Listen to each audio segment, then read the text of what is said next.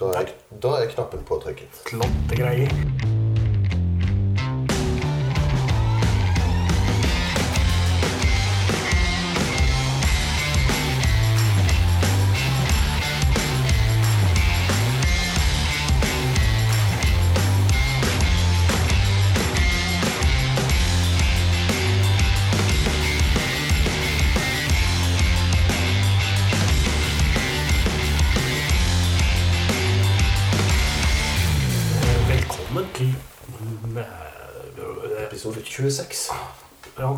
Peiling. Jeg husker ikke. Det er så lenge siden sist vi drev med dette her. Men i hvert fall velkommen til Målprat, da.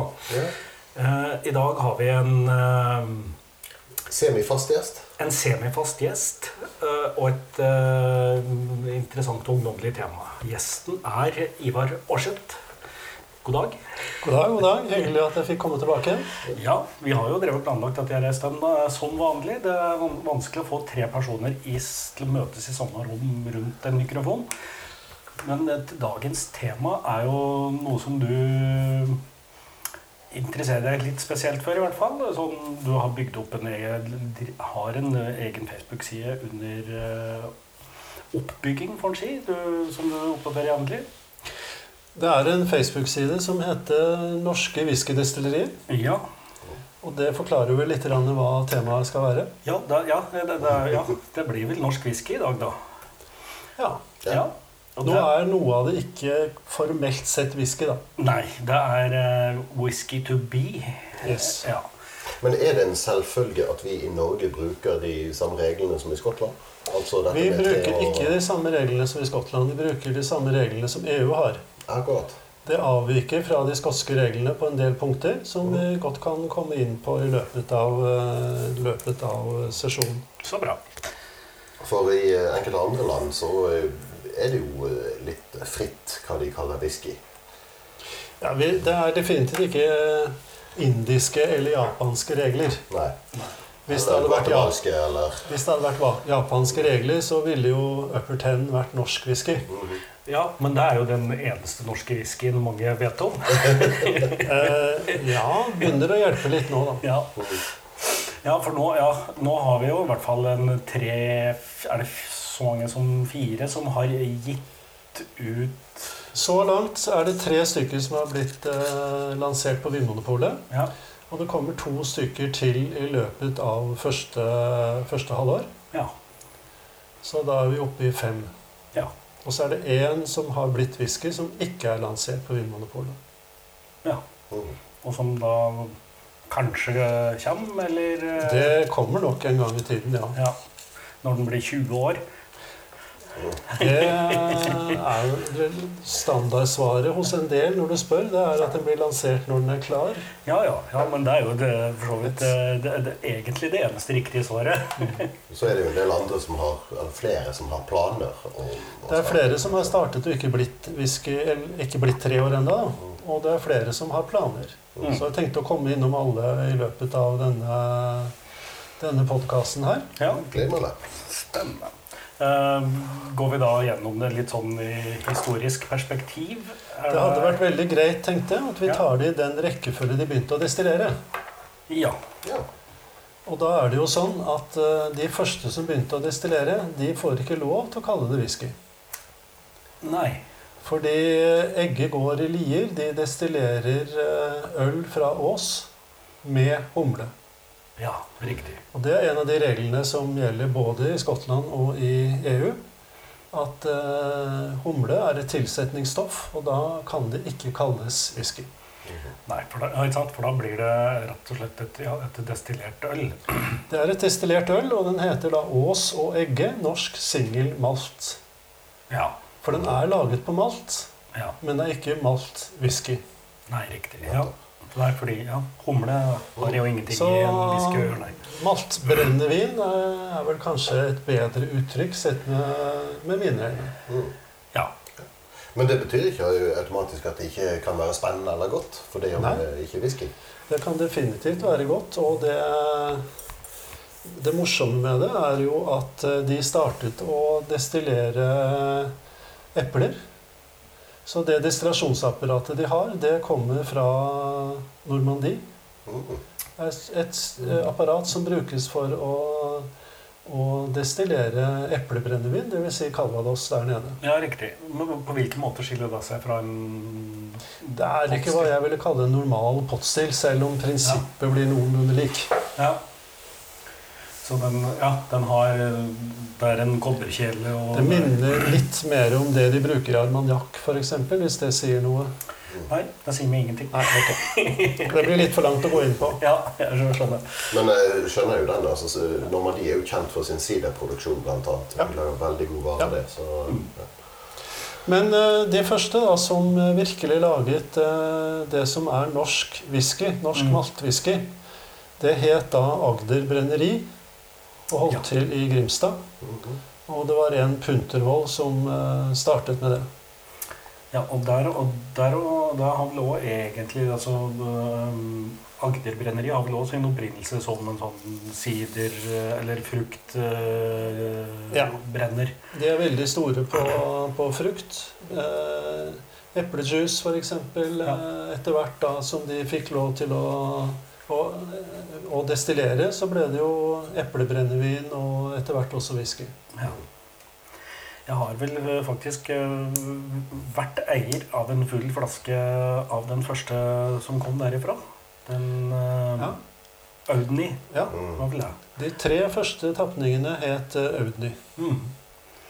Så ble de eh, Og de startet i 2009. Ja, ja, så det Så altså 2012 i, i 2009. Ja, 2012 kom da den første Audnyen, og i 2013 kom nummer to. Ja. Og de eh, Det var altså den første norske maltwhiskyen. Ja. Og var, den kom som Det var bare to fat, eller et eller annet? Altså han, hvis jeg husker rett nå, så var det to fat fra 2009. Det var ett fat fra 2010, og ingen fat fra 2011. Så veldig lite produksjon av whisky, fordi det som det ble produsert mest av av brennevin, det var, eh, var akevitt. Ja. Vet du om de har noen på gang nå? Noe som kommer? Eh, Det norske brenneri ble jo oppkjøpt av et firma som eh, Eller Agder Brenneri ble oppkjøpt av et firma som heter Det Norske Brenneri. Ja. Ja. Som var egentlig deres største kunde, for det var de som bestilte og lanserte veldig mye av akevitten. ja, riktig. Så nå heter det Eiktyrene, Oh, ja, det og de sammen, kommer eh, jevnlig på, på Vinmonopolet. Mm. Den siste som kom, kom vel eh, i, eh, i november, så vidt jeg husker, og het uh, Eiktyrene Quadruple. Mm. Jeg har smakt noen brukbare av den. Jeg tror jeg smakte den første eller andre Odnien, og det, det, det var ikke dit hen at jeg fant det for godt å kjøpe en flaske. Når man smaker en whisky som er tre år, så vil det selvfølgelig føles litt kjedelig ut når det er lagt på et stort fat. Det er ikke for uten grunn at de fleste skotske whisky man drikker, er gjerne 10-12, kanskje til og med 15 år gammel. Mm. Ja. Og sett med mine øyne så er det Man skal rett og slett se, prøve å se hvordan potensialet er, og Mm. ikke sammenligne det med en 12 år gammel f.eks. Highland Park eller noe. Mm. Det blir helt feil. Men eh, jeg har jo med meg da noe whisky som eh, også ble presentert på en smaking som jeg hadde på en, en eh, pub i Oslo som heter Dr. Jekyll her i høst. Ja.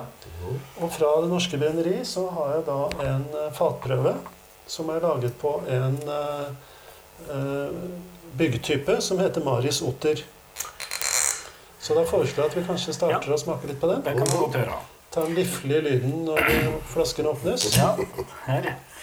Eh, Maris Otter er jo sånn som altså Jeg har ikke drevet mye med hjemmebrygging, men i min, eh, på min tidligere arbeidsplass så hadde, var det mange ivrige hjemmebryggere.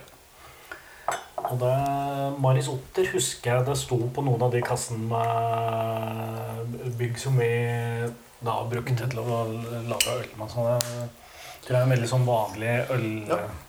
Det brukes nok eh, i våre dager mer til ølbrygging enn til, eh, til whiskyproduksjon. Mm. Eh, hvis du ser på skotske destillerier, da, hvis vi skal bruke bitte litt tid på skotske destillerier, Ja. så er det nok en trend om at de går for moderne eh, byggsorter som gir et høyt utbytte. Ja, Mm. altså- utbytte så mener man rett og slett Mange liter alkohol mange per liter alkohol per tonn korn. Ja. Ja, eh, jeg leste akkurat en, en bok av David Broom der han klager litt over dette her. At Ja. eh, han mener at skottene er litt kjedelige på dette med at de sier byggkvalitet er lik volum, mengde sukker. Vel, jeg la akkurat ut en link her eh, tidligere, eller om det var i går eller i dag, husker jeg farten ikke, men det gikk akkurat på dette med at eh, man kanskje burde se litt mer på det med, med byggkvaliteten. Ja. Fordi de fleste skotske destillerier opp gjennom tidene har ofte sagt at bygg spiller ingen rolle, de gir ikke noe smak. Mm. Men eh, bygg, bygg kombinert med den rette metoden å drive gjæring på, Ja. kan faktisk gi en ganske betydelig smaksmengde. Mm. Men skal vi smake litt på denne? Ja, vet du hvor Den er jo da formelt ikke whisky. Nei, Den sant. Har, har vet, lagt, vet du hvor gammel den var? eh? den har lagt 20 måneder på et 40 liters fat. Ja. Mm. Så, Så så, sånn så lite fat det gir jo mye mer eh, fatpreg.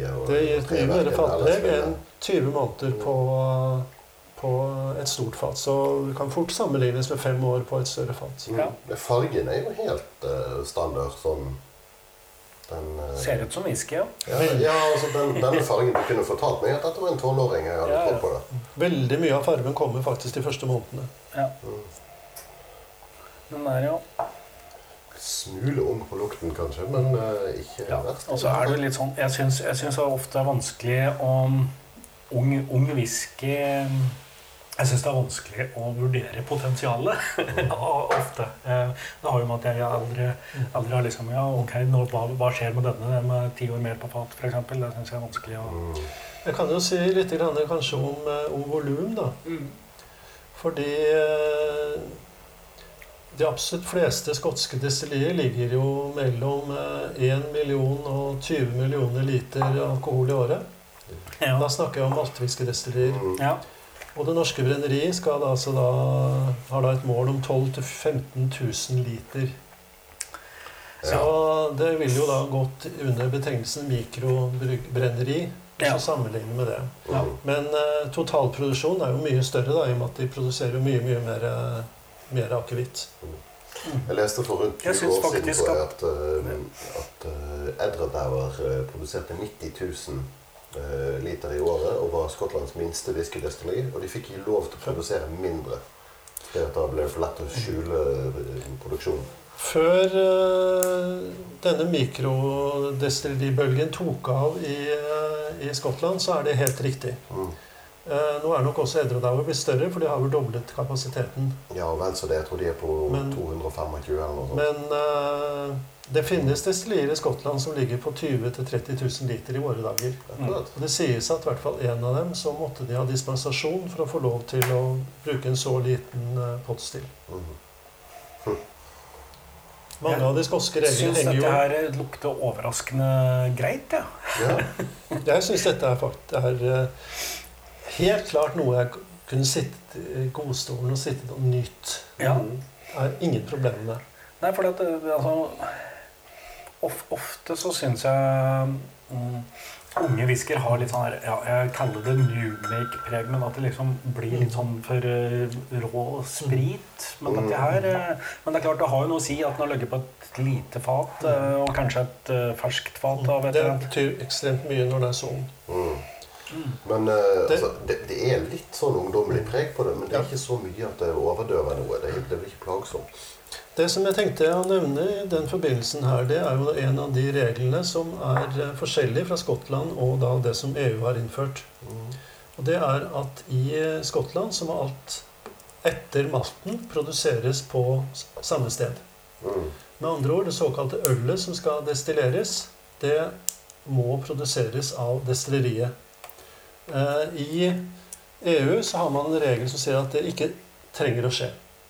Så veldig mange kjøper da dette ølet fra andre steder. Mm. Og Ja. Det Norske Brenneri kjøper da f.eks. fra Nøgne Ø og fra et uh, lite, litt mindre bryggeri som heter Ake og Tid. Mm.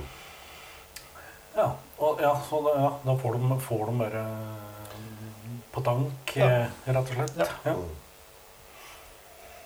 Er dette liksom kassert øl fra, eh, fra de, disse bryggeriene? Dette, Ting som ikke dette brygges nok på spesifikasjon. Ja, fordi at, ja, ja, normalt så vil jo, hvis du skal lage øl, så er det jo humle i det under kokinga, så Kassert øl minner meg vel om årsaken til at Ås og Egge begynte å samarbeide. Mm. Fordi det ble sagt at eh, Ås bryggeri hadde en del tusen liter juleøl som ikke var blitt solgt. Eh, og så Ja. prøvde de å brenne det, og det, det ble da første batch av uh, Ås og Egge Jeg håper virkelig ikke det var tappet på flaske, så de måtte sitte og åpne flaskene og helle i tank. Det sier historien ingenting om. Ja, nei, det er sant. ja. Og kar ferdig karbonert og alt mulig. Ja, nei, det eh, ser jeg for meg at det vil være en ordentlig grisete prosess.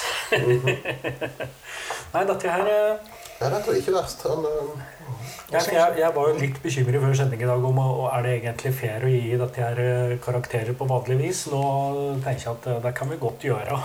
Du har rotet litt ned nå. Ja. ja, nei, altså, det, dette her er ikke noe jeg hadde hatt uh, problemer med å kjøpe en flaske av for en fornuftig penge. Nei, Det skal bli veldig spennende å se når uh, dette materialiserer seg i en tapning på polet. Mm. Ja, ja, for nå ligger jo dette her selvfølgelig Det, det er mer enn det ene 40-litersfatet som inneholder eh, Det kan du være ganske trygg på. Ja. Men hvilke fatkombinasjoner og sånn det gjelder, det, det har ikke jeg oversikt over. Eh, Vet du hvor disse fatene kommer fra? Altså, er, er det, Har de ansatt noen for å lage småfat, eller har de kjøpt dem fra et eller annet sted? kjøpes, eh, kjøpes utenfra. Mm. Eh, eksakt hvor vet jeg ikke, men det, la, det er ikke, ikke noe sted i Norge som lager fat som er bekjent til whiskyproduksjon. Nei, jeg tror bøtkerlinjen på videregående i Norge har vært nedliggende en stund. Arcus har bøkere, men det er mer for reparasjon. Mm. Ikke for å lage nye, så vidt meg bekjent.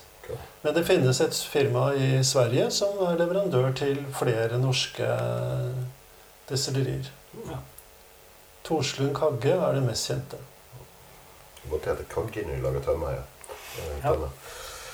Ja. Ja, men da fikk vi jo testa. Ja, nå er det Dette er norske, norske brenneri som tidligere var eh, Agder Nei, var det. Agder Brenneri. Ja. ja. det- Det er jo relativt fruktig, rett og slett. Altså, sånn, ja, den er, eh, Litt sånn spritviff i begynnelsen, og så begynner du å kjenne sødmen og Ja. Og, Og så er det jo selvfølgelig relativt sterk når det er en fatprøve. Så Mm. Nå kan jeg jo snakke litt om det neste som startet, da, i og med at, eh, mens vi smaker litt på denne, for den har jeg ikke noe med fra. Nei. Og det var jo det firmaet som nå het, i dag heter Arcus. Som Ja. rett og slett var eh, produksjonsdelen til det gamle Vinmonopolet. ja. Og ble skilt ut derfra for noen år siden fordi Ja. Vinmonopolet ikke fikk lov til å være både importør og produsent og distributør. Så de startet da året etter Det Norske Brenneri. De startet da i 2010. Og eh, der igjen så er, eh, er det sånn at de ikke har utstyr for å lage ølet, så det er kjøpt fra Ringnes. Ja. I våre dager så ligger jo, altså i dagens situasjon, så ligger jo faktisk disse to som naboer oppe på Gjelleråsen. ja. Men uh, da whiskyen ble laget, så holdt Arcus til på Hasle. ja. Da kom Så- det en tankbil fra Ringnes, altså. Da kom det nok tankbiler. Altså, som, som bergenspatriot så skal jeg være litt stygg og si at det, det er hyggelig at Ringnes også kan brukes til noe. Ja, nei, jeg, ja, jeg bare lar den få passere i stillhet. Og eh, Arcus har jo også hatt whiskyen sin ute på Vinmonopolet. Mm. Eh, lurer på om det faktisk finnes en fortsatt. Den eh, har da hett Joleid. Mm. Ja, Og jeg tror det er fem ulike tapninger. Det var første som kom, var en eh, som har vært på sherryfat, og en som har vært på bourbonfat. Ja. Så kom det en litt morsom tapning som de kalte for Blindpassasjeren. ja. Det var rett og slett ett fat som eh, var blindpassasjer i en container med akevittfat som ble sendt til Australia og tilbake igjen. Så den, Ja. eh, det er rett og slett en linjewhisky. Det riktig. Ja. Nice. Og så har de to stykker som heter Praksis 1.2 og 1 og 1.1 og 1.2, Ja. så vidt jeg husker. Ja, jeg, jeg, drar, jeg har smakt noen av de, men der er det òg Der er også en, altså en slags kornblanding i en del av jordleirgreier. Arcus gjorde da også en liten ting som ikke er lov i Skottland. Ja. For i Skottland skal maltwhisky være laget på 100 maltet bygg. Ja. Utenfor uh, Skottland så heter det bare malt. ja. Så Arcus eksperimenterte litt med maltet hvete. Ja. Og hvis jeg husker rett, så endte de vel opp med en eh, blanding med 15-18% maltet hvete og resten bygg. Ja. Ja. Det kan da ikke bli kalt for maltwhisky i Skottland. Da måtte det bli kalt for grain whisky. Mm. ja. Ja. Men eh, ja, nei, jeg, jeg tror jeg har smakt Jeg smakte de to første, og så har jeg smakt én av de som var det praksis som heter de siste. Og jeg, og det har ikke imponert meg sånn at jeg måtte gå til innkjøp av noen flasker. Nå kan jeg si som følger da at eh, Arcus har flere fat liggende, som da er eh, nå 7-8 år gamle. Ja, Og jeg har vært så heldig å få smakt på to av de, og de er meget bra. Ja.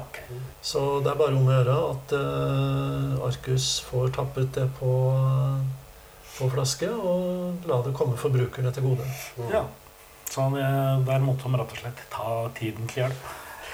Ja, altså De bruker jo store fat. Ja, De jukser ikke med småfat, så de, det er jo eh, fat som det har vært bourbon på. Så de er jo da 200 eller 250 liter, eller Ja. sherryfat på 500 liter. Ja. Ja. Og forhold da til det vi har smakt på akkurat nå, som er lagt på 40 liters fat, så er det en vesentlig forskjell i hvor fort det modnes. ja, selvfølgelig. Ja. Fordelen er jo at det blir såpass mengder av det når det endelig er ferdig, at eh, man har en sjanse til å få en flaske. Ja, jeg vet ikke hvor mange, mange fat de har, så det kan jeg ikke svare på. Men eh, det er klart at eh, det monner litt mer, ja. Mm.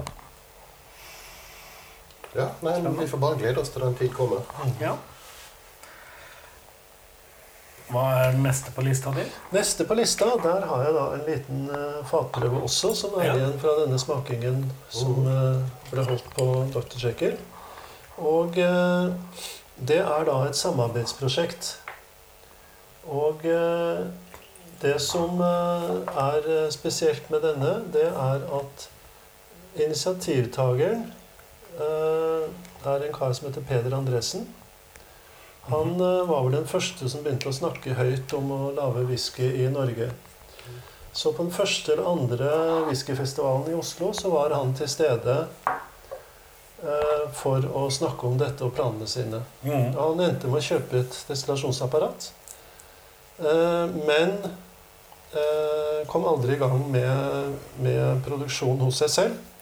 Så han begynte å samarbeide med et bryggeri som heter Klostergården, som ligger på ei øy som heter Tautra ute i Trondheimsfjorden. Ja. Og eh, det samarbeidet varte ikke så veldig lenge, så det ble rett og slett bare produsert to fat på 40 liter hver. Ah, ja. Dette er da en smaksprøve fra et av de fatene. Mm. Fat Og- nummer én, så er det stort på etiketten. Ja, Det andre heter da to. Wow! Er du Det er konvensjonelt, syns jeg. Ja. Vakker. Så eh, etter at dette dette samarbeidet ble avsluttet, da, så tok Peder Andresen med seg apparatet hjem til sin gård eh, i nærheten av Skogn. Ja. Og det endte med at Klostergården kjøpte eget apparat. Eller to kjøpte de vel faktisk. Og eh, akkurat i disse dager så er da endelig nå Peder Andresen eh, snart i gang med å produsere. Ja. Men det betyr, betyr det at uh, ut av det samarbeidet der, så har dere med to egentlig brennerier? Ja, nå er vi over på en, uh, hvordan man regner, da. Ja. Eh, Er det, skal vi regne det som én, to eller tre? Ja. Vi må i hvert fall regne det som to. ja. Mhm. Eh, Jeg regner jo det nesten som et eget denne samarbeidsprosjektet. Ja, ja, ja. Ja, det jeg vil, en, vil si ja. det, for det, det er jo en del. Så vi kan godt si at dette blir tre. Ja, det, det, ja. Det er jo destillerier andre steder som har eh, kjøpt gamle destillasjonsapparater uten at eh, de fortsetter det som destillerier av den grunn. Så Og hvis jeg husker rett, da, så er uh, samarbeidsprosjektet det var i 2011. Mhm. Mens Klostergården startet i 2012 ja. med sin egen produksjon. Det betyr, ja og, og, men um, har det et navn, dette her? Dette er ikke tappet på flasker eller noe som helst, så det har ikke noe navn. Nei. Eh, Peder Andresen kalte jo sitt firma Buran Norsk Whisky, og Klostergården heter jo da Klostergården. Ja. Så ja. Men Buran er det som Peder Andresen driver med nå. Eksakt om han skal kalle det eh, Han skal starte opp det samme eller ikke, det er jeg litt usikker på. Jeg treffer ham forhåpentligvis om en uke. Ja. For Det er whiskyfestival i Trondheim om en uke, og der kommer eh, selvfølgelig jeg til vei til stedet. Akkurat. Ja. Eh, Buran var jo òg et navn, hvis jeg ikke husker helt feil, og det gjør jeg ikke, så er det òg navnet på den eh, gamle sovjetiske romfergen som aldri tok av. ok. Ja, jeg tenkte jo Jeg har et kort øyeblikk inne på å blande med Fantomets eh, gode venn eh, Guran. Fantomets lille hjelper. Ja. Ja. Men dette er også da 40 liters fat, sånn som den første vi smakte på. Ja, og den er jo denne er, denne er da eldre, for denne er da fra, fra 2011. Ja, men så ser du hvis, hvis datoen på etiketten er stemmer, så ja, han er Så står det det nei, at han er- 2011. 2013 står det der. Mm. April 2013. Ja, Det er kanskje jeg som har skrevet feil datoer her. Men uh, ja. Men Den her var litt mer sånn flisete i lukten, syns jeg. Ja, på en, den ja. Også, Det er mulig jeg husker feil datoer, men, uh, eller år. Mm. ja. Uh, Men det som står der, stemmer jo helt sikkert. Eh, ja, som er det, som sannsynligvis da datoen det gikk i fatet. Det, det, er det er mulig 2011 var da han anskaffet destillasjonsapparatet. Det, det må jeg sjekke opp. Det, spiller, det spiller ikke så stor rolle. Nei. Nei. Men det betyr at den er Denne er lovlig whisky, antagelig. Dette er whisky, ja. mm. Og det er ikke det man regner med som trøndersk produksjon. Dette er lovlig produksjon. Ja, akkurat. Men eh, Ja. Ja, du sier noe mer flisete, men jeg synes, eh, det, er, det er noe mer spennende her enn det var i den forrige. Altså, ja, ja.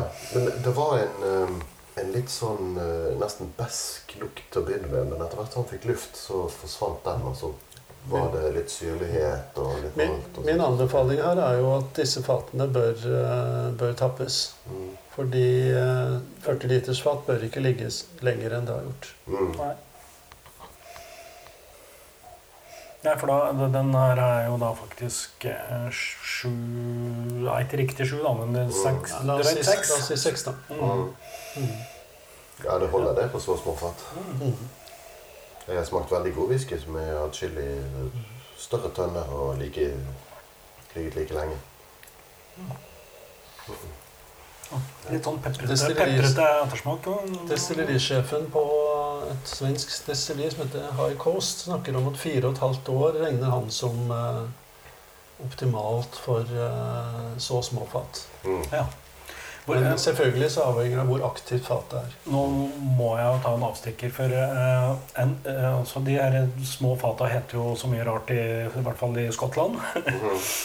Der er det Rundlitz og Kilderkins og Firkins og Jeg har ikke, jeg har ikke hørt noe spesielt navn på disse fatene her.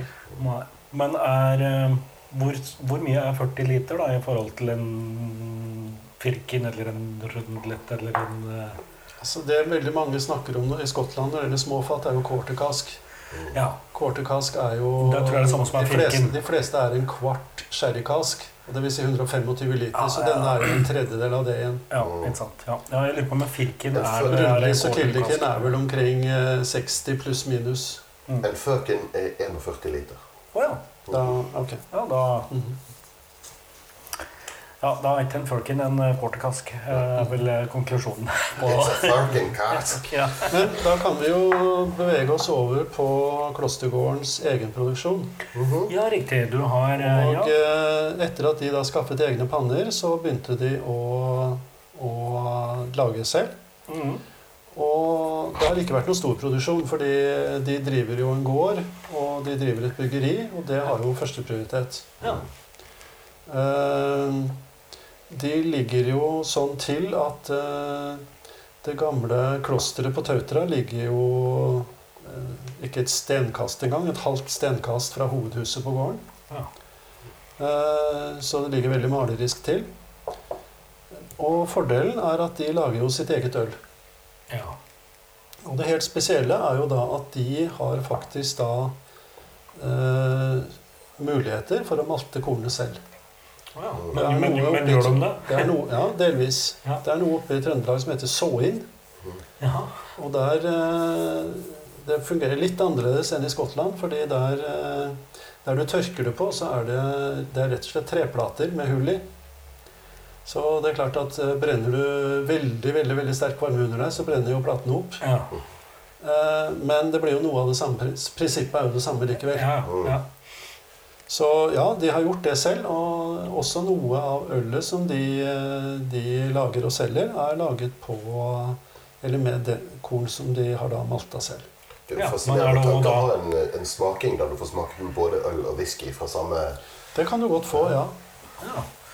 Men er er det um, Hvor får de kornet sitt fra? Eller det gjelder Det er i litt sånn nær, generelt det er i nærområdet. Ja, så det er ja. local barley. Eh, ja, eksakt hvor local vet jeg ikke, men det er i hvert fall hovedsakelig i det området, ja. Ja. kortreist. Så å si sånn, er- bare det er norsk, så kan vi vel nesten kalle den local. Jeg vet ikke hvor mye bygg vi dyrker her til lands, men jeg tror ikke det er fantastiske mengder. Men Klostergården har da heller ikke eh, tappet noe på flaske ennå. Nei, men de har ting som er De har ting som er whisky, ja. Ja. Jeg kommer til å få et, få et problem med hva jeg skal kalle den der, jeg må kalle den Buran Tautra eller noe sånt, den der i, i lista vår. Det kan jo være en grei kombinasjon. Ja. Uh, Burautra. Uh, bau- bauta. Ja, da høres jeg Da blir det Buran på Tautra, Buran på Buran ja. Og Klostergården på Tautra. ja, Ja. riktig. Så, Buran. så det er jo spørsmålet om vi skal bevege oss over til første offisielle tapning, da. Oi! Ja, oh. Ja. Som har vært på Vinmonopolet. ja. Ærlig og redelig kjøpt der. Og eh, det er da den neste i rekken som startet. Og det er jo da på den lille øygruppen som ligger 32 km utenfor Helgelandskysten, som eh, heter Myken. ja. Ja, der bor det noen uh, underlige gråsprengte, holder jeg på å si. Ja, hva er det? 25 fastboende eller noe sånt? Eh, Jeg tror eh, siste tallet jeg hørte var 13. Ja, såpass. Ja. Eh, Men det er veldig mange som er, har vokst opp der og bruker det som sommerhus. Eller har kjøpt det som sommerhus. Så dette er da den eh, eh, hva skal jeg si, første normalt tilgjengelige tapningen som som heter Pinot. Pinot Ja. Finish. Ja. Pinot er jo da en eh, Det heter egentlig Pinot de Charente.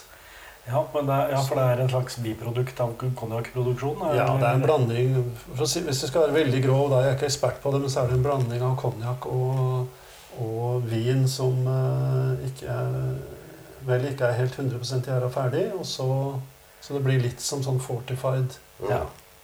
Jeg har hatt en, en flaske av det der eller, eller to, og det er faktisk ganske, ganske friskt og godt. Ja da, pinot eh, har man, har man eh, kost seg med tidligere.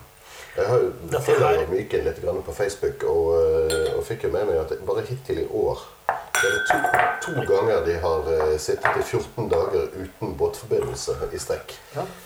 Det startet vel i juledagene og holdt på et godt stykke ut i januar.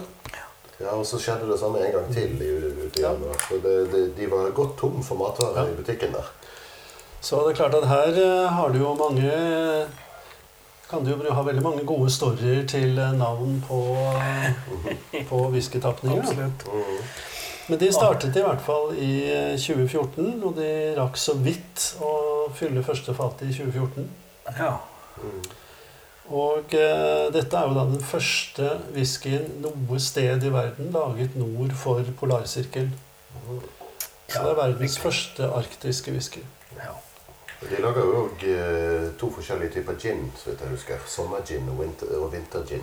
ja da. Ja, det er, Det er ikke et eh, vanlig, det er ikke et Ja. vanlig triks, men det er en, en måte å få, få omsetning på mens ting ligger på, på fat og modnes.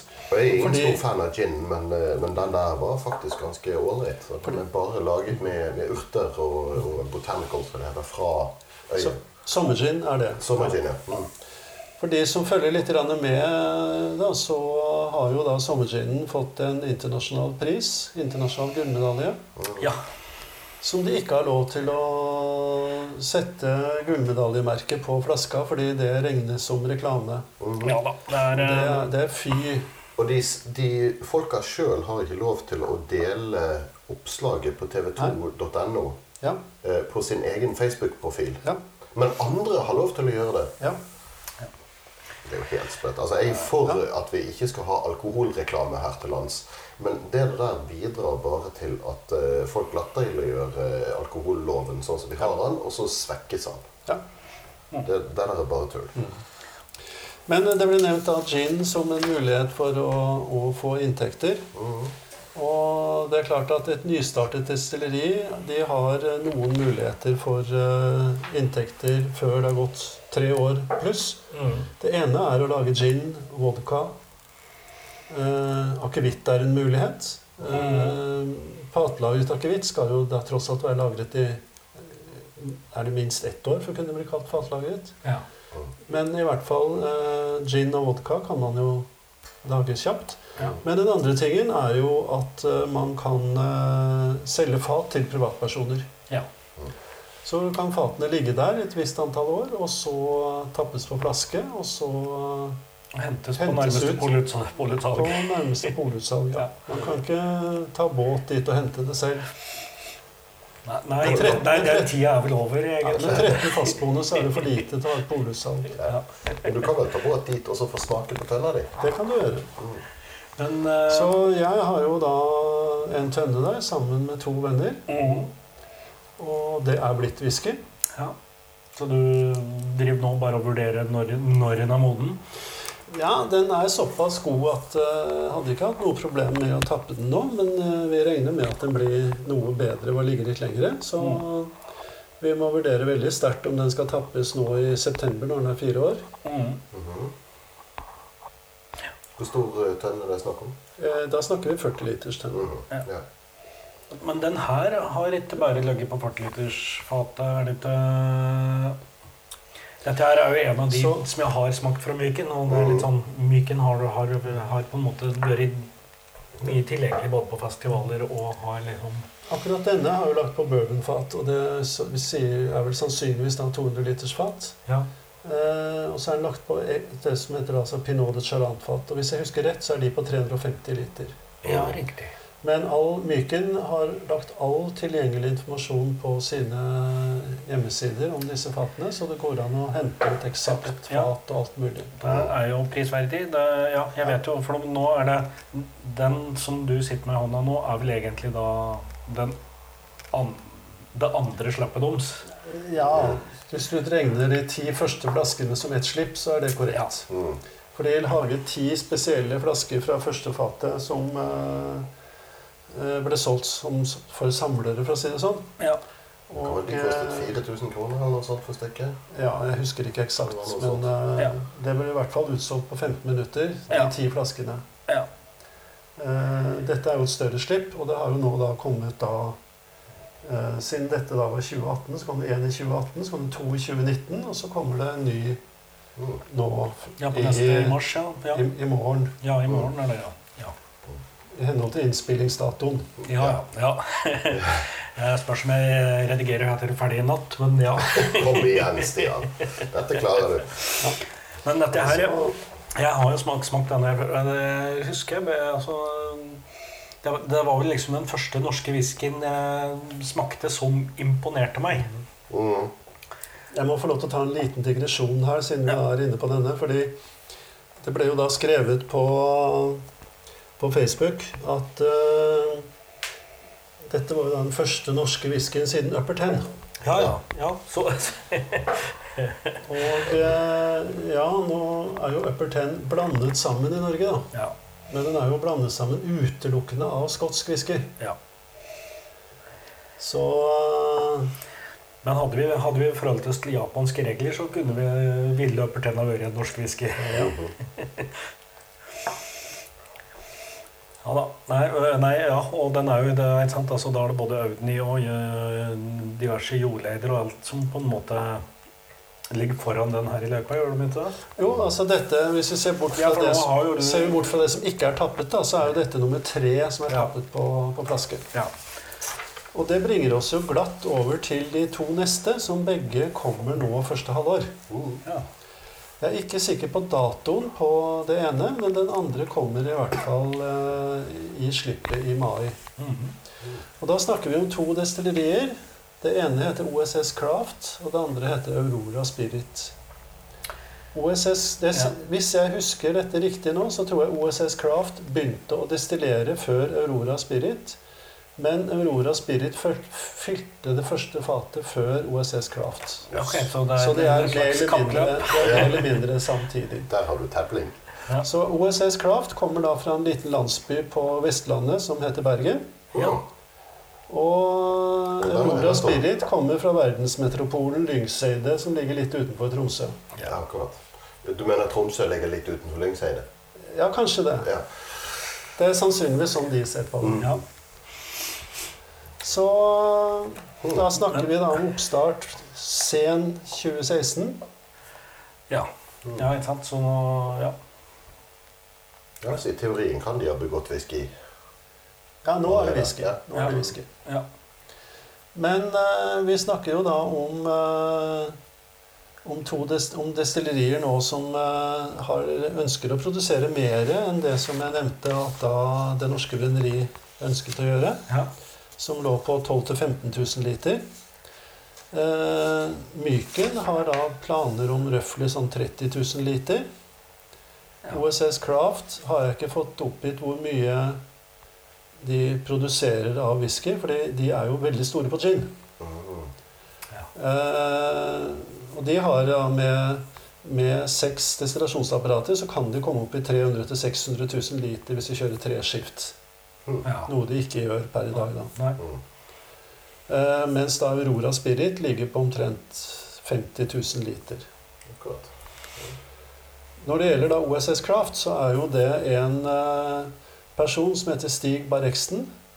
Ja, og han er jo, han er jo kjent kanskje mer kjent for- under Barreksen Gin. Ja, ikke sant. Ja. Som også har da fått masse priser rundt omkring. ja. Som også Det Norske brenneriet i Grimstad har fått. Og ingen har da lov til å skryte av det. Nei. Men ok, vi lar den ligge. Vi får skryte for dem. Ja. Men eh, jeg satt og tenkte på altså, det, pro det gires jo opp så mye produksjon i Skottland. Ja. Og i og for seg også resten av verden. Og til og med i Sverige så, så bare øker det og øker og øker. Hvordan skal norske whiskyprodusenter kunne konkurrere? Jeg, jeg tenkte vi kunne ta og avslutte litt med akkurat det punktet der, for det er et veldig interessant punkt. Så Ja, skal vi, vi smake, skal vi smake på noe fra et av disse to, da? ja. Nei, det gidder jeg ikke. Ok, da, Ja, ok da. ok. ja. da kan Men, vi eh, smake på noe som da heter Arctic Soon To Be Whisky. da. ja. Og den man, betyr det at de har hatt den i salg? Nei. Nei. Dette det er, er da bare en eh, etikett laget for, Det- for det- formålet. det, ja. Det, det er liksom en norsk Very Young. Ja. Unnskyld, hva sa du? Det er liksom en norsk Very Young. Ja. Som så Ardbeg holdt Ja, på i sin tid. ja. Dette er da, hvis jeg Dette er da fra Aurora. ja. Så dette vil vel minne da Og dette var Aurora. Ja. Dette er Aurora. Så dette vil da minne om det som blir lansert, så vidt jeg vet. Ja. Men den Både altså Aurora på whiskyfestivalen i Det er jo flere whiskyfestivaler i, i Norge. Ja. Og i år så har det da vært en i eh, Tromsø. Mm. Og der var selvfølgelig Aurora, og der var Myken. Mm. Eh, Det har vært en i Bergen. Der var OSS Craft. Ja. Og et destilleri vi kommer til om litt. ja. Ja og, og OSS er- hadde vel bare med seg Newmake, tror jeg? Eller? Ja, Det ble sagt at de skulle hatt med seg noe som ble whisky, men jeg var litt opptatt med å stå på en stand selv, så jeg fikk Ja, nei, jeg, jeg, var borte, jeg var borte der og smakte på Ja. Newmaken deres. Og Vi hadde noe som var lagra også, men det hadde jo jeg smakt før. ja, ja, nei, det fikk ikke jeg helt med meg da i, i kampens hete, for å si det sånn. Ja. Men her eh, eh, det som er det interessante med Aurora, da, det er jo at det er jo igjen nord for polarsirkel, siden det er i nærheten av Tromsø. Ja. Og eh, det betyr jo at det skal ekstremt mye til for å få et destilleri som er lenger nord enn dette. Mm. Svenskene klarer det ikke. Ja. Nei. Altså, De bruker jo øl på Svalbard, så eh, Ja, Svalbard er en mulighet, og da er det definitivt ingen andre som kan klare det. Hvis du skal ha det på landjorda, holdt jeg på å si. mm. Det kan, ja, det kan jo Hva med et flytende polardestilleri? Det hadde vært et salgsargument, men jeg vet ikke om det hadde vært lønnsomt. Nei. Whisky on the rocks, liksom. Whisky on ice. Eh, Når vi snakker om sånne ting, da, så er det jo, kan det jo nevne at Myken, det er jo en liten øy. Mm. Ja. Og eh, det betyr at de er avhengig av eh, avsaltet havvann. Ja, ja, ja, stemmer. ja. Så whiskyen lages av avsaltet havvann, Ja. og de bruker havvann til eh, kjøling. Mm. ja. Det er vel heller ikke så veldig vanlig, sannsynligvis. Det er meg bekjent det eneste som gjør det. Den her, må jeg, den her tenkte jeg Denne syns jeg smakte litt eh, ungt. Dette er nok et større fat, og Ja. da blir Ja, det er jo det som er eh, Det er det som er grunnen. Ja, for det, det Jeg har jo vært så heldig- helt Jeg har jo vært så er. heldig at jeg har besøkt alle disse destilleriene og, og uh, smakt Newmake, som det kalles. Altså Ja. det som kommer ut av destillasjonsapparatene. Mm. Og det er ingenting som tilsier at uh, ikke noe av dette blir god, god whisky. Nei. Men han har litt den, den der unge smaken. Den, den Ja. litt florale sødmen. Det er ikke noe galt i den. Jeg syns han funker veldig godt i den. Men, men det smaker litt ungt. Det som eh, jeg syns er det beste med denne, det er at den har mistet dette såkalte Newmake-preget. Altså dette Mm. nyspritpreget, som vi ville kalt det på norsk. Ja. Eh, og det er det som jeg, det syns jeg lover veldig godt. Mm.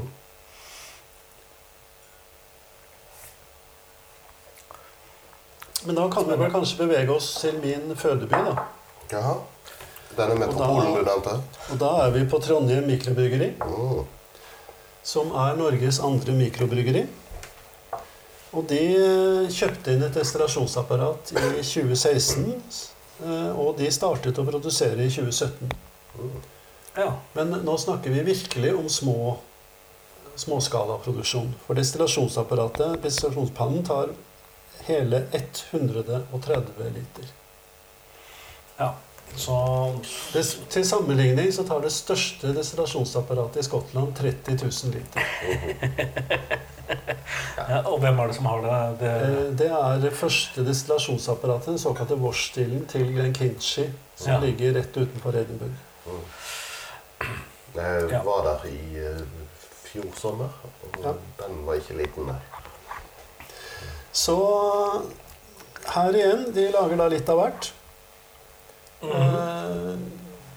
Whisky, gin, akevitt osv. Og, og hvis man går på mikrobryggeri, så kan du godt kjøpe det i baren. Mm. Da heter det Copper Heart, men det er da mindre enn tre år. Ja. Mm. Eh, det er fortsatt lov å selge det, men de kaller det ikke whisky.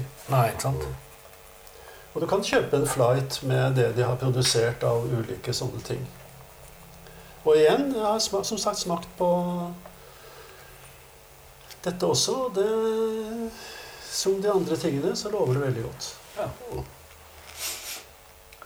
Men eh, altså De har en liten panne. Hva, hva, altså, hva slags utstyr? Er det, no, er det noen fellesnevner i utstyret som de norske bruker? Eller? Jeg tenkte jeg skulle oppsummere litt til slutt, men Ja. eh, siden vi eh, snart er ferdig med alle de som har startet produksjon, så kan vi godt ta det. Ja. Eh, Det er to ting som stikker seg ut her. Det ene, ene er at det er ingen som bruker tradisjonelle skotske destilleripanner. Nei.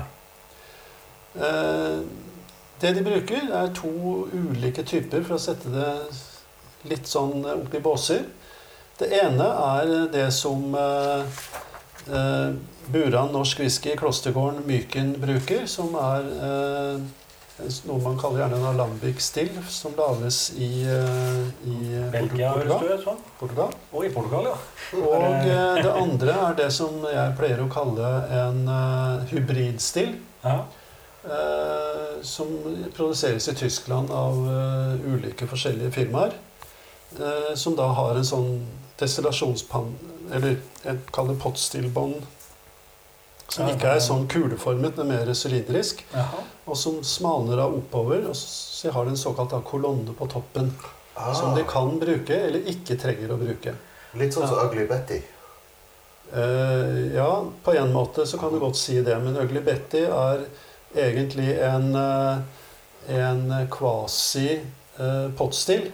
som de har for så vidt satt en sylinder på toppen. Mm. Og ble kalt en Loman-still i gamle dager. Fordi det var tre destillerier som gjerne skulle produsere en litt annen stil enn de ellers produserte. Og så holdt de på med dette i røftlig en 15 års tid. Mm. Dette er vel den som uh, Brucladdy lager gin på. Ja, Ja. det er korrekt. Så de tyststykke apparatene, så er det da faktisk Det er tre som er forholdsvis store, og alle de tre er representert i Norge. De fleste har da fra det som heter Holstein. Arnold Holstein i Tyskland. Mm -hmm. uh, Arcus har jo da hele seks panner derfra. Og som de da bruker både til ginproduksjon og Altså Arcus bruker det hovedsakelig til eh, Ja, det produserer gin også, men det er jo akevitt selvfølgelig som er størst der.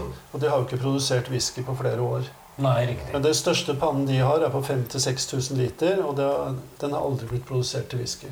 Eller brukt til whisky. De har brukt en på 1500 liter. Mm. Men eh, hvor mye koster det å kjøpe et eh, destillasjonsapparat fra Holstein f.eks.? Jeg spør for en venn. Eh, Jeg vet ikke hva det koster, men jeg skal garantere deg at prisen er vesentlig lavere enn om du kjøper et tradisjonelt skotsk destillasjonsapparat. Det tror jeg nok. Fra Foresight er jo da det mest kjente firmaet der. Mm. Eh, Den andre grunnen til at folk velger andre ting, er jo da ventetid. For Foresight har jo da minst tre år ventetid. Eh, Og alle lages jo på spesifikasjon. Mm. Mens de, de tyske mer kan du ofte si at du skal ha standarden, og så kan du heller variere hvordan du skal ha det. Ja, eh, dette er Trondheimsdestilleriet. Hva var det du sa det het? Trondheim Det heter rett og slett bare Trondheim mikrobryggeri. Mm. Så da begynner vi å nærme oss da de eh, absolutt nyeste. Mhm. Og da har vi et uh, som ligger uh, i Egersund, som heter Berentsen brygghus. Og Berentsen, Som lager øl til Berentsen vanlig. brygghus lager øl til vanlig, Ja. Blant annet. Og de eh, har da også begynt med, med whisky. De har hatt planer om det veldig lenge, Mm. men begynte da i 2018. Ja. Og eh, for oss to, Stian, som da er veldig glad i et skotsk destilleri som starter på S, ja, riktig. Slutt på uh, Ingbank. ja, så har jo da de eh, De benyttet, så de benyttet tidligere destillerisjefen på Springbank Ja. Som eh, konsulent i forbindelse med oppbygging av eh, destilleriet. Frank McCardy? eller? Med en eh, som heter Frank McCarty. Korrekt. Så meningen å ødelegge Men uh, dette, dette alt, alt dette høres lovende ut. Ja. Og det gjør faktisk da den såkalte nyspriten også. Ja. Og det er ikke vann jeg har da på den lille flasken her.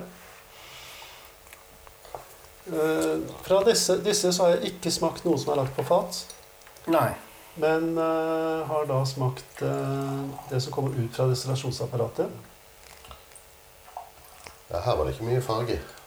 Nei. Og det er selvfølgelig vannet ned til en uh, styrke som vi kan Akseptere. akseptere. Ikke bare vi kan akseptere det, men også norske myndigheter. Ja. Og de òg. Og eh, de har da også selvfølgelig produksjon av andre ting. Vi kan nevne i fleng, gin, vodka, akevitt. Ja. Men eh, i og med at de er fortsatt såpass nye, da, så er det jo ikke kommet noe særlig på Jeg vet ikke om de har kommet med noe av de andre sakene på, på polet ennå. Jeg tror Nei. ikke det. Nei.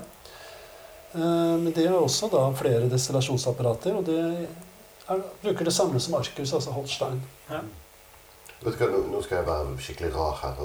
Det første som slo meg da jeg luktet på denne, her, det var at det minner meg om, om litt sånn steinsopp på lukten. nesten. Ok. Ja, du, du har helt rett. Nå er du skikkelig rar. Ja. uh, Altså, jeg har smakt det er jo du har veldig sånn søtlig lukt. eh. Jeg har smakt eh, såkalt nysprit, eller newmake, da, fra et førtitall skotske destillerier. Mm. Og de norske destilleriene som jeg har smakt, inkludert Berentsen brygghus, har overhodet ingenting å skamme seg over. Nei. De er flere av dem fullt på høyde med, med skotske. Mm. Ja. Eh, om det kommer til å bli like godt etter hvert, det er selvfølgelig avhengig av hvor flinke er de med innkjøp av fat osv. Mm. Men eh, når startpunktet er så godt som dette, så har de en veldig god sjanse til å lykkes. Mm. Fordi det finnes mange skotske desilier som har uh, Newmake som jeg ikke ville si at denne kan jeg sitte og ta med en uh, liten drink av. Mm. Nei. Denne kunne jeg godt tatt en drink av på en fredagskveld. Ja da, altså det er ehm, Ja, og fargen er jo blank, så det er lett å sammenligne med vodka. Mm. Men det, her, det her smaker jo noe, i motsetning til Ja. vodka. Og det, Ja. det, er ikke, det er ikke nødvendigvis altså, Og det er ikke vondt. Det er ikke, det er ikke som en del av det som kanskje vanligvis tradisjonelt ble produsert i både Trøndelag og på Hedmarken og andre plasser. Det er jo Det som den fylden og kompleksiteten som whisky har. Den- men uh, som drink i seg sjøl, no problem. Uten å si noe hverken positivt eller negativt om det såkalte hjemmebrente, så er det jo, var det jo sjelden at hjemmebrente ble produsert på Malta. Ja, ja. Mm. Det, jeg husker i hvert fall når jeg flyttet til Oslo, så sto det reklame på trikken at Moss maltekstrakt brygger man ikke øl av, det spiser man for helsens skyld. Mhm. Sånn at uh, man, man lag, brukte nok mer gjær og sukker og Ja litt da, sånne ting. det Så det er klart at det her har jo en betydelig mer fylde enn Ja. den typiske hjemmeproduksjonen. Absolutt. Mm. Og jeg syns ikke dette er dårlige greier. Nei. Nei. Mm. Men uh, for to-tre damer siden så gikk det eh, jeg tilbake til nummer én. Og den fikk jeg da en helt annen, uh, annen preg på. Ja, nå Veld, veldig sånn karamellaktig smørbukk. ja. Fløtekaramell-type ting. Men igjen, nå begynner det å bli vanskelig å sammenligne, Mm. for denne er lagt på fat. Ja da, ja. Det er eh, jeg, tror vi, ja, jeg tror vi må holde, holde den siste ut, utafor konkurranse, for å si det sånn. Ja. I noen tilfeller så syns jeg faktisk det kan virke som at når noe er helt på et fat, så blir det litt dårligere til å begynne med noen måneder. Mm. Og så begynner fatet virkelig å kunne ta av litt. Grann. Ja. Eh, Men ingenting eh, vi har smakt i dag, er jo så altfor ungt, da. Nei, nei, det er ikke sånn. Nei. Men eh, ja. Mm. Men du Men, kan godt hende du er inne på noe der. Altså, for det, det, du får jo en veldig sånn trekontakt med en gang. Mm. Men du får òg en del utlufting. sant? Altså, du får litt kontakt med oksygen og Ja. luft. og det Men jeg lurer på om jeg skal si da litt om de absolutt nyeste. ja, Skal jeg gjøre det? gjør det. mm. Eh, nå har jeg ikke fått eh, sånn 100 av status på de siste. Men vi kan jo ta litt om hva jeg vet. Mm. Og da er vel den første som kanskje da har eh, gått i produksjon etter Berentsen, er da et destilleri på ei øy som ligger på Vestlandet, som heter Feie. Mm. Ja. Fedje staves det. Mm. Og destilleriet heter da Feddi. Ferdig. Ja. Så vidt jeg vet, så startet de uh, i november. De starta på destilleriet nå i november 2019. Ja. Og de har én destillasjonspanne på 4000 liter. ja. De var jo på stand i, på stand i Bergen. Så det var Der, nummer eh, to som var i Bergen, i tillegg til OSS. Og der var jeg, ja, jeg var jo, der, der var jeg også og smakte på da nyspriten deres eh, i to forskjellige utgaver. Det var, altså, de drev vel fortsatt å på en måte eksperimentere Ja. med hvordan de skal, med, skal produsere til slutt. Men uh, der var òg en sånn eh, ja, nysprit som absolutt gikk an å drikke. Men eh, de har da planer om produksjon på 100 000 liter. Mm. Så har vi et som startet testdestillasjon 30.9. Mm. Jeg hadde planer om å ringe de og sjekke om de har gått i full produksjon, men det, for å være helt ærlig, det glemte jeg. Mm -hmm. Det heter Hirnagla. Mm. Ligger i eh, Sveio kommune. som var den sydligste kommunen i det gamle fylket Hordaland. Ja. Nå, vest, nå Vestland. Det er veldig få som slår seg på whiskyproduksjon i sentrale strøk, er egentlig inntrykket mitt her nå. Ja, du kan jeg Det se er jo- strøk. Der bor det jo ingen. Det er jo sånn som eh, det er i Skottland, det. Ja. Men det, det har jo historiske grunner, hvor det var, eh, var hjemmebrent produksjon. eh, Ja. Og så gikk de over til å bli lovlige. Mm. Eh, De har da planer om en produksjon på ca. 10 000 liter. Og har også flere destillasjonspanner. Eh, samme som, eh, som de har på Myken, Buran og Klostergården. Altså et som heter Håga fra da Portugal. Ja. Og så er da den siste i gruppen er jo da denne Peder Andresen, som vi har vært innom Ja. med Buran Norsk Whisky, som hadde planlagt å starte i 2019, men er blitt litt forsinket pga. eh, diverse krav fra myndigheter, forsikringsselskap osv. Så, videre. så han regnet med å komme i gang nå i mars. ja. Det spesielle med Buran, det er at de har da det eneste apparatet i Norge som skal bruke såkalte warm tubs. ja. Og warm tub er jo da en eh, teknikk på å kjøle av dampen fra destillasjonsapparatet og få det over til væske igjen. ja. Hvor du har en lang, lang, lang spiral i, av kobber som går ned i kaldt vann. Og det er det nå bare 14-15 destillerier i Skottland som har. De fleste går bort fra den. Mm. Eh, Men Peder har da det på sin. ja. Men, og det fører jo da i praksis til økt kobberkontakt i Ja.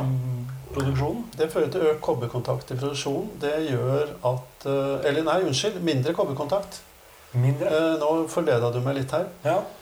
Det andre, som heter eh, Tube and Shell Condenser, ja. Som er en sylinder med masse små rør inni, det har så mer er- kobberkontakt. Ja. Ja, for der er, ja, Så at sånn de som da bruker i Skottland, bruker da warmtub, Ja, selvfølgelig. Ja. De ønsker å ha en kraftigere whisky. Ja? Ja, Og det mest sånn kjente er jo da Mortlack, Ja. Som da har tilnavnet The Beast of Mortlack. The Beast of Dufftown. ja. Så, og som Ja, ikke sant? Den blir ja, altså, den, den svovelprega i det, i, på den gode måten må vel eh, Ja, Er en av effektene her. det er mange som hater det ordet når du sier det, Stian. Ja, jeg vet. Så jeg tenker noen kommer til å sitte og grøsse når de hører denne episoden. Ja, ja. Men uh, god svovel kan faktisk tilføre noe positivt. Jeg er veldig glad i mortlakk. Ja. Mm. Ja, men, Så- og jeg tenker jo Ja, Mortlack Jeg lurer på om og Dalwhinnie bruker det så- har også det. ja, og, Men det, det, det, det, det er jo det rare begreper, men det blir litt mer sånn kjøttaktig, eller altså Det er Noen sammenligner det med, med Miti kaller jo ofte Ja. skottene det. Men mm. det- altså, det som legges i begrepet svovel, hvis man eh, ser på faglitteraturen, er jo alt fra nystrøket sengetøy til eh, oss via Sandstrand til H2S. Ja da. Ja. Så det rommer, det det rommer, det rommer ekstremt mye. Ja. Men da er vi i gang. Da er vi med de som vi da faktisk kan si er i gang, nesten i gang. Da er vi på 11 til 12, avhengig av om vi regnet da Ja. dette samarbeidsprosjektet som et eget. Ja Og det så, blir har vi, jo og så kan man jo da stille seg spørsmålet er det for mange. Og da kaster jeg da inn eh, denne og sier at det er tre til. Ok. Det er en på Smøla som heter Smyl brenneri. Mhm. De har ikke kapitalen på plass. Det snakkes om et som ligger på en øy som heter Stokkøya utenfor eh, Fosenhalvøya i Trøndelag. Mhm. Og så snakkes det om et i Haugesund. Ja. Og da er vi plutselig på 15 eventuelt. ja. Ja, da Og da er det vel da rimelig å hvis, det, hvis dette skal være butikk som overlever, så må, må det bli eksport. Ja, Man må satse på eksport, eller satse på å lære opp norske forbrukere til å kjøpe norsk whisky. Men selv det siste vil, er, vil ikke hjelpe hvis jeg regner på totaltallene. mm. Nei. Men de fleste, de fleste er klar over at det må, må eksporteres, ja. Mm. Mm. Altså Blant entusiastene i Norge så har du jo sånne tullinger som jeg som kjøper mer enn jeg drikker. Men eh, de kan ikke satse på at alle er sånn. Nei. Det, Men eh, ja, for at, og Myken er i hvert fall, har i hvert fall en viss eksport allerede. ja. Jeg vet at både Myken og, og Det Norske Brenneri og Aurora har jo avtaler eh, for eksport. Ja. Eh, for- Myken sin del så gjelder det jo whisky. Det har ikke Aurora kommet i gang med ennå, så det har vært mer gin og sånne ting. Ja.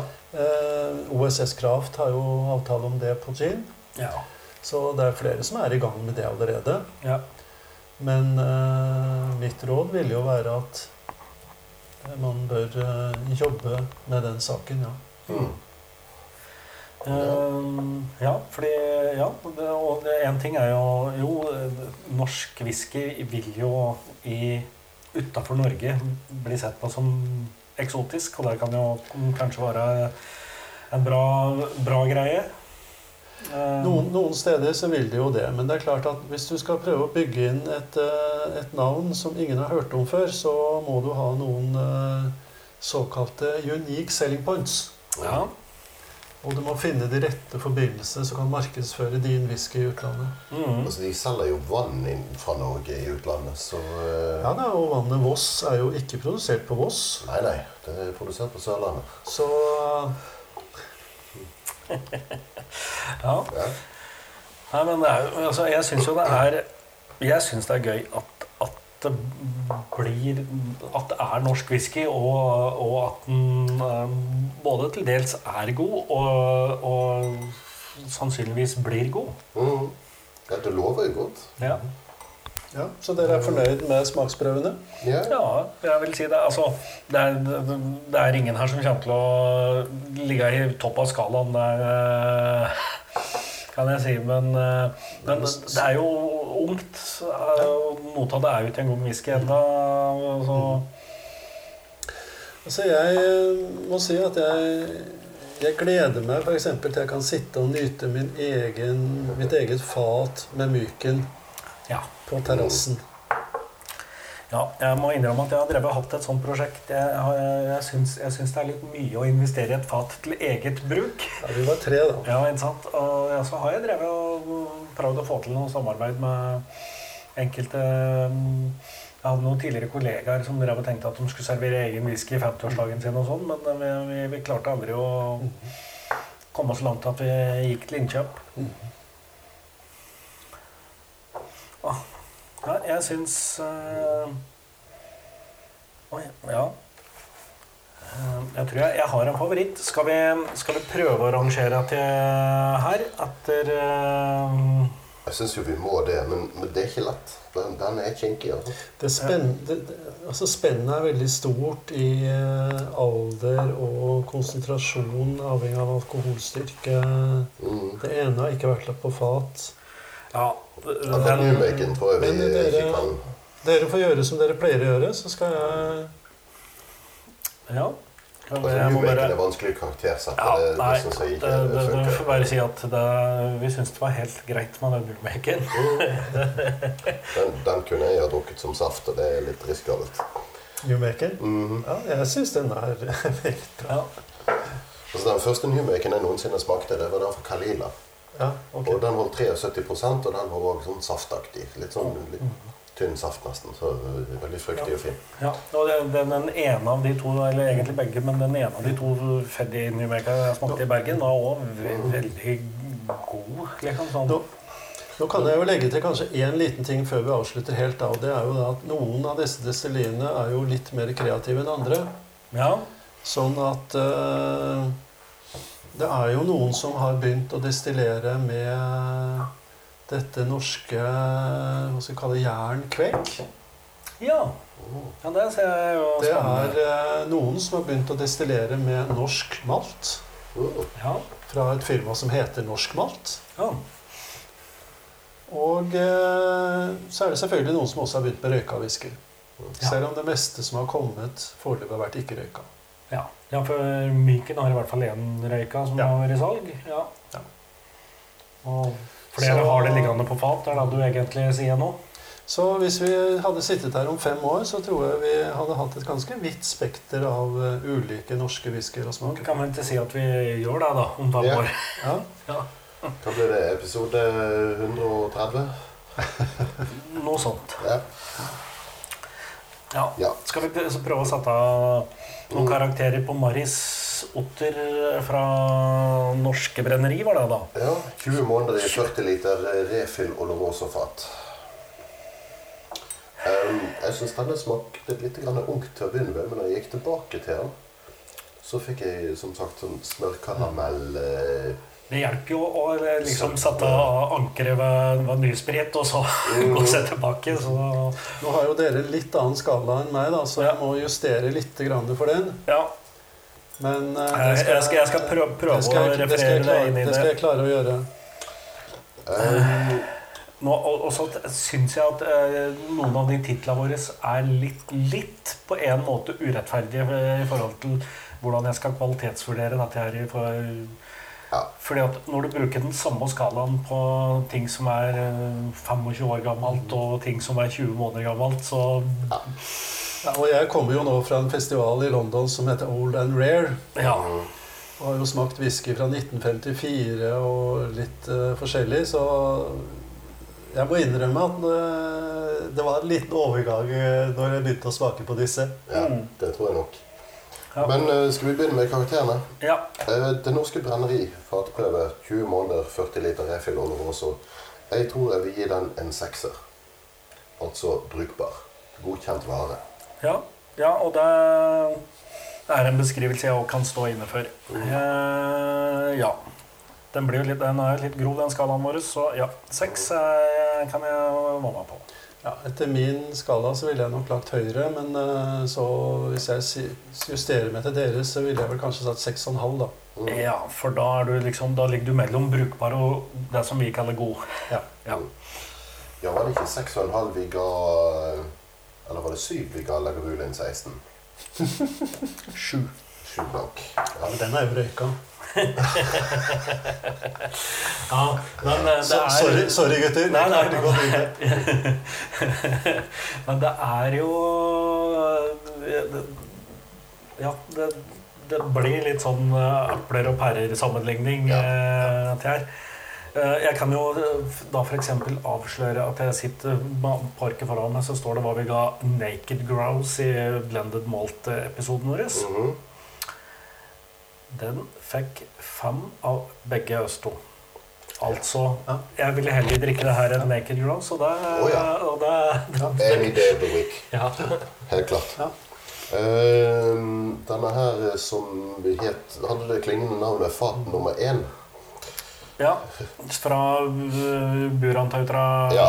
klostergården eh, Burtra. eh, Tauran eh, Nei, det er Volkswagen. Vi får ikke lov til å nevne det. Ja. Beklager. Eh, den får 6,5 av meg. Jeg syns den var litt Han var litt større i smaken. Litt mer flisete i kanten, men samtidig litt mer spennende enn den første. Det ble litt vanskelig for meg når du refererte til hva vi begynte å gi Lagavulin 16. For dette her tenkte jeg, denne her er min eh, faktisk eh, favoritt eh, i dag. Oh. Så jeg, for, for at den skal liksom reflektere de, de forskjellene jeg opplever i dag, så må jeg gi den sju. Ja, jeg er enig med Stian. Mm. Ja, jeg har vekslet litt frem og Den tilbake. har en, den har en fylde som eh, helt klart skyldes at den har fått flere år på fatet. Ja, og den var um, det kan godt tenkes at jeg hadde likt Marius mest moden. Med samme alder kan det godt tenkes at jeg hadde likt Marius Otteren bedre. Men, Ja. Ja. Og nå vet vi ikke Ja, nå kan det jo hende at Maris Otter Ja, den dukker jo tidligst opp til neste år, da. Um, så Myken Pinot Finish. Mhm. Den har vi vel alle sammen smakt før. Det Ja. kan jeg ikke si om de andre. Men uh, jeg husker jeg var positivt overrasket over denne her første gang jeg smakte den. Ja. Uh, og det var, det var når de lanserte den, tenker jeg, vi, vi fikk en innbydelse. Jeg, var- ja, jeg var og smak, jeg smakte den noen, i rett rundt slippet på Oslo Whiskyfestival. og- Nettopp. Eh, men den eh, Han er litt sånn stillferdig. Eh, jeg vil ikke si tynn i smaken, men litt, litt mer dempet. Ja, Brocca litt mindre. Ja. Men, Men den eh, er vel òg da kanskje litt svakere på alkohol, vil jeg tro. Den er- 47 ja. Eh, Men den er Jeg syns han har en veldig fin smak. Eh, Til å være så ung som han er. Og som du sier, han har jo ligget i små tønner. Så, så jeg gir den 6,5, den òg. Og jeg syns dette lover veldig bra for Myken. Eh, Jeg husker når jeg smakte Joleid og Audny og disse her, så var jeg ikke så veldig imponert. Men denne her var den Ja. første norske whiskyen jeg smakte som jeg faktisk Åhå, dette kan det bli noe av. Jeg er på sju på den her også. Ja, ja, her er jeg, for, at jeg, for at den forrige skal være den jeg syns var best, så, så, så må jeg gå litt ned igjen på den her. Men eh, jeg husker jo Altså, den er, ja, den er litt mer eh, Du, du kan gjøre som Jim Murray, da, så differensiere det mye mye mer. Han eh, Ja. Nå tror ikke jeg at vi skal kunne du gått, da kunne du gått ned på 6,75. Ja, 6,74. Jo, jo, men, det, men vi er jo Det, det er jo det er, Den er Vi holder- vi holder oss til ja, deres skal. Ja da. Ja. Men jeg, og jeg husker jo altså For det opprinnelige fatet her er jo et fullsize bourbon barrel, og så har den ligget etterpå på et relativt stort fat òg. Og jeg tror, uh, altså, jeg, tror, jeg tror det var et triks, bra triks å legge an på den uh, fatfinishen. Mhm. Men uh, ja. Kan ha, og så var vi på Aurora sin, som den er omtrent tre år. Var det da vi Ja, den, er, den heter Eh, Soon to be, men jeg tror ikke det står eh, Står det noe datoer her? Nei, det gjør ikke det. Men det kan være to år og åtte måneder eller noe sånt. da. Ja. Hvis vi skal være veldig spissfindige. Mm. Ja, den eh, Han lover godt, men som han er nå, så syns jeg han er litt for ung. Så den får en femmer av meg. Den eh, lider nok litt grann ut av under at den har lagt på litt større fat. Mm. Ja. Så den har ikke modnet raskt nok, Nei. sånn som da Nei. Og så er den- den vanna ned til 46. Så denne var på 46. ja. Men Men jeg synes- eh, gi den et par år til på rumpen, så eh, på bakken. Så, Ja, så Men, men og det som er, altså, for at jeg, jeg smakte jo Myken har jo vært flinke til å være med på festivaler med newmaken sin. Og det er jo sånne prøver underveis. Og det, den profilen som er i den her, er, minner meg litt om det jeg Jeg smakte smakte jo, tidlige Myken-tapning. Eller jeg smakte jo noe som var eldre da på festivalen i Tromsø, og det var Du merket at jeg hadde fått noen måneder til. Mm. Ja. Nei, jeg, jeg skal vel ned på femmeren her, jeg òg. Ja. Det er nok jeg litt mer positiv enn dere og gir det seks. ja. Det er lov å være positiv, Ivar. Det er lov å være glad. Men uh, når det gjelder Numek, så må jeg si jeg pleier aldri å gi karakter på Numek. Nei. Nei. Nei, og det, det Fordi jeg at- eh, jeg har riktignok smakt en god del fra skotske destillerier, men man smaker det så sjelden at uh, referansegrunnlaget er for lite. Ja, det blir litt sånn altså Ja, det smaker newmake. Ja. og jo, det er bra til newmake å være. Det blir litt sånn. Uh, Jeg hadde jo, men jeg, hadde jo det.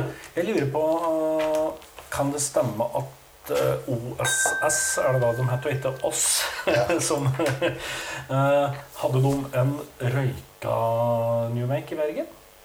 En pita? En, Husker jeg ikke. Nei, jeg, Jeg tror ikke det. Nei, nei det, det kan godt hende jeg husker feil òg, men den, den framstår i hvert fall som mer eh, rufsete enn en, enn, fettig mm. som var liksom veldig clean. Altså, jeg merker meg stort sett hvis det blir servert dårlig newmake, eller newmake som føles feil.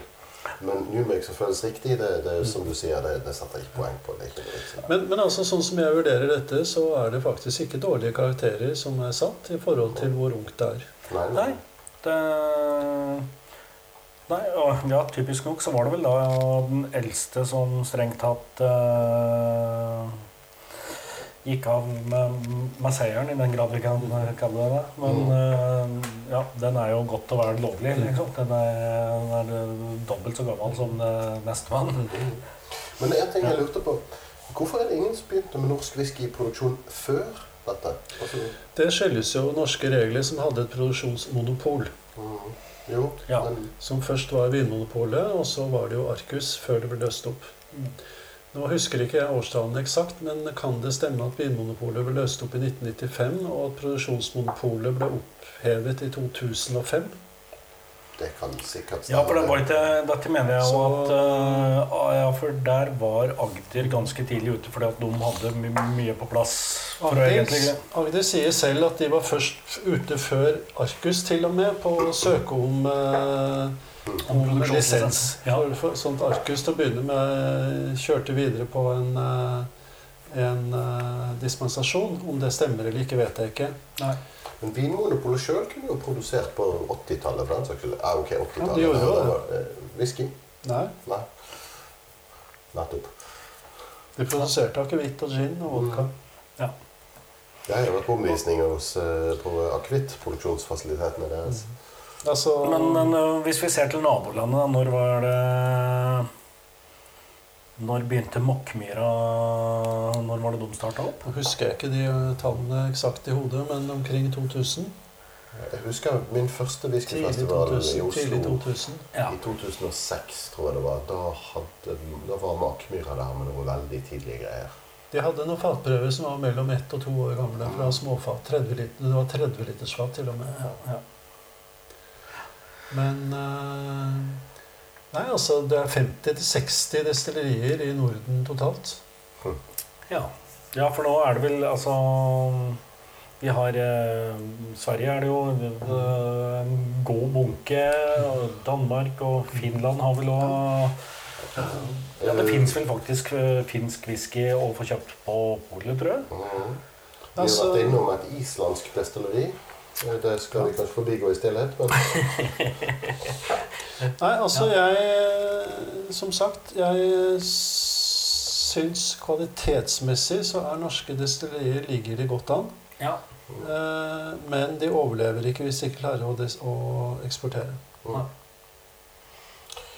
Ja, det var det om norsk whisky. Eh, Send oss eh, spørsmål, innspill, tanker på eh, hovedkontoret at matprat.com. ja. Eller ta kontakt via Har du ikke en lang liste med spørsmål denne gangen? Kommer. Kommer helt Kommer. sikkert. Ja. ja. Uh, vi er på Facebook. Ja. Send oss en, uh, et pip der, så skal vi gjøre vårt beste til å komme med noe semifornuftig svar. Ja. Og jeg vil selvfølgelig legge denne ut på norske whiskydestillerier eh, med link. Ja, den kan Når det kommer. Den er, jo, ja, den er det jo bare å søke opp og følge på Ja. Facebook. Mhm. Ja. Ja. Jeg skåler i Burantautra Klostergården eh, spesial. New make for mitt vedkommende. Ja, Skål! skål! Skål!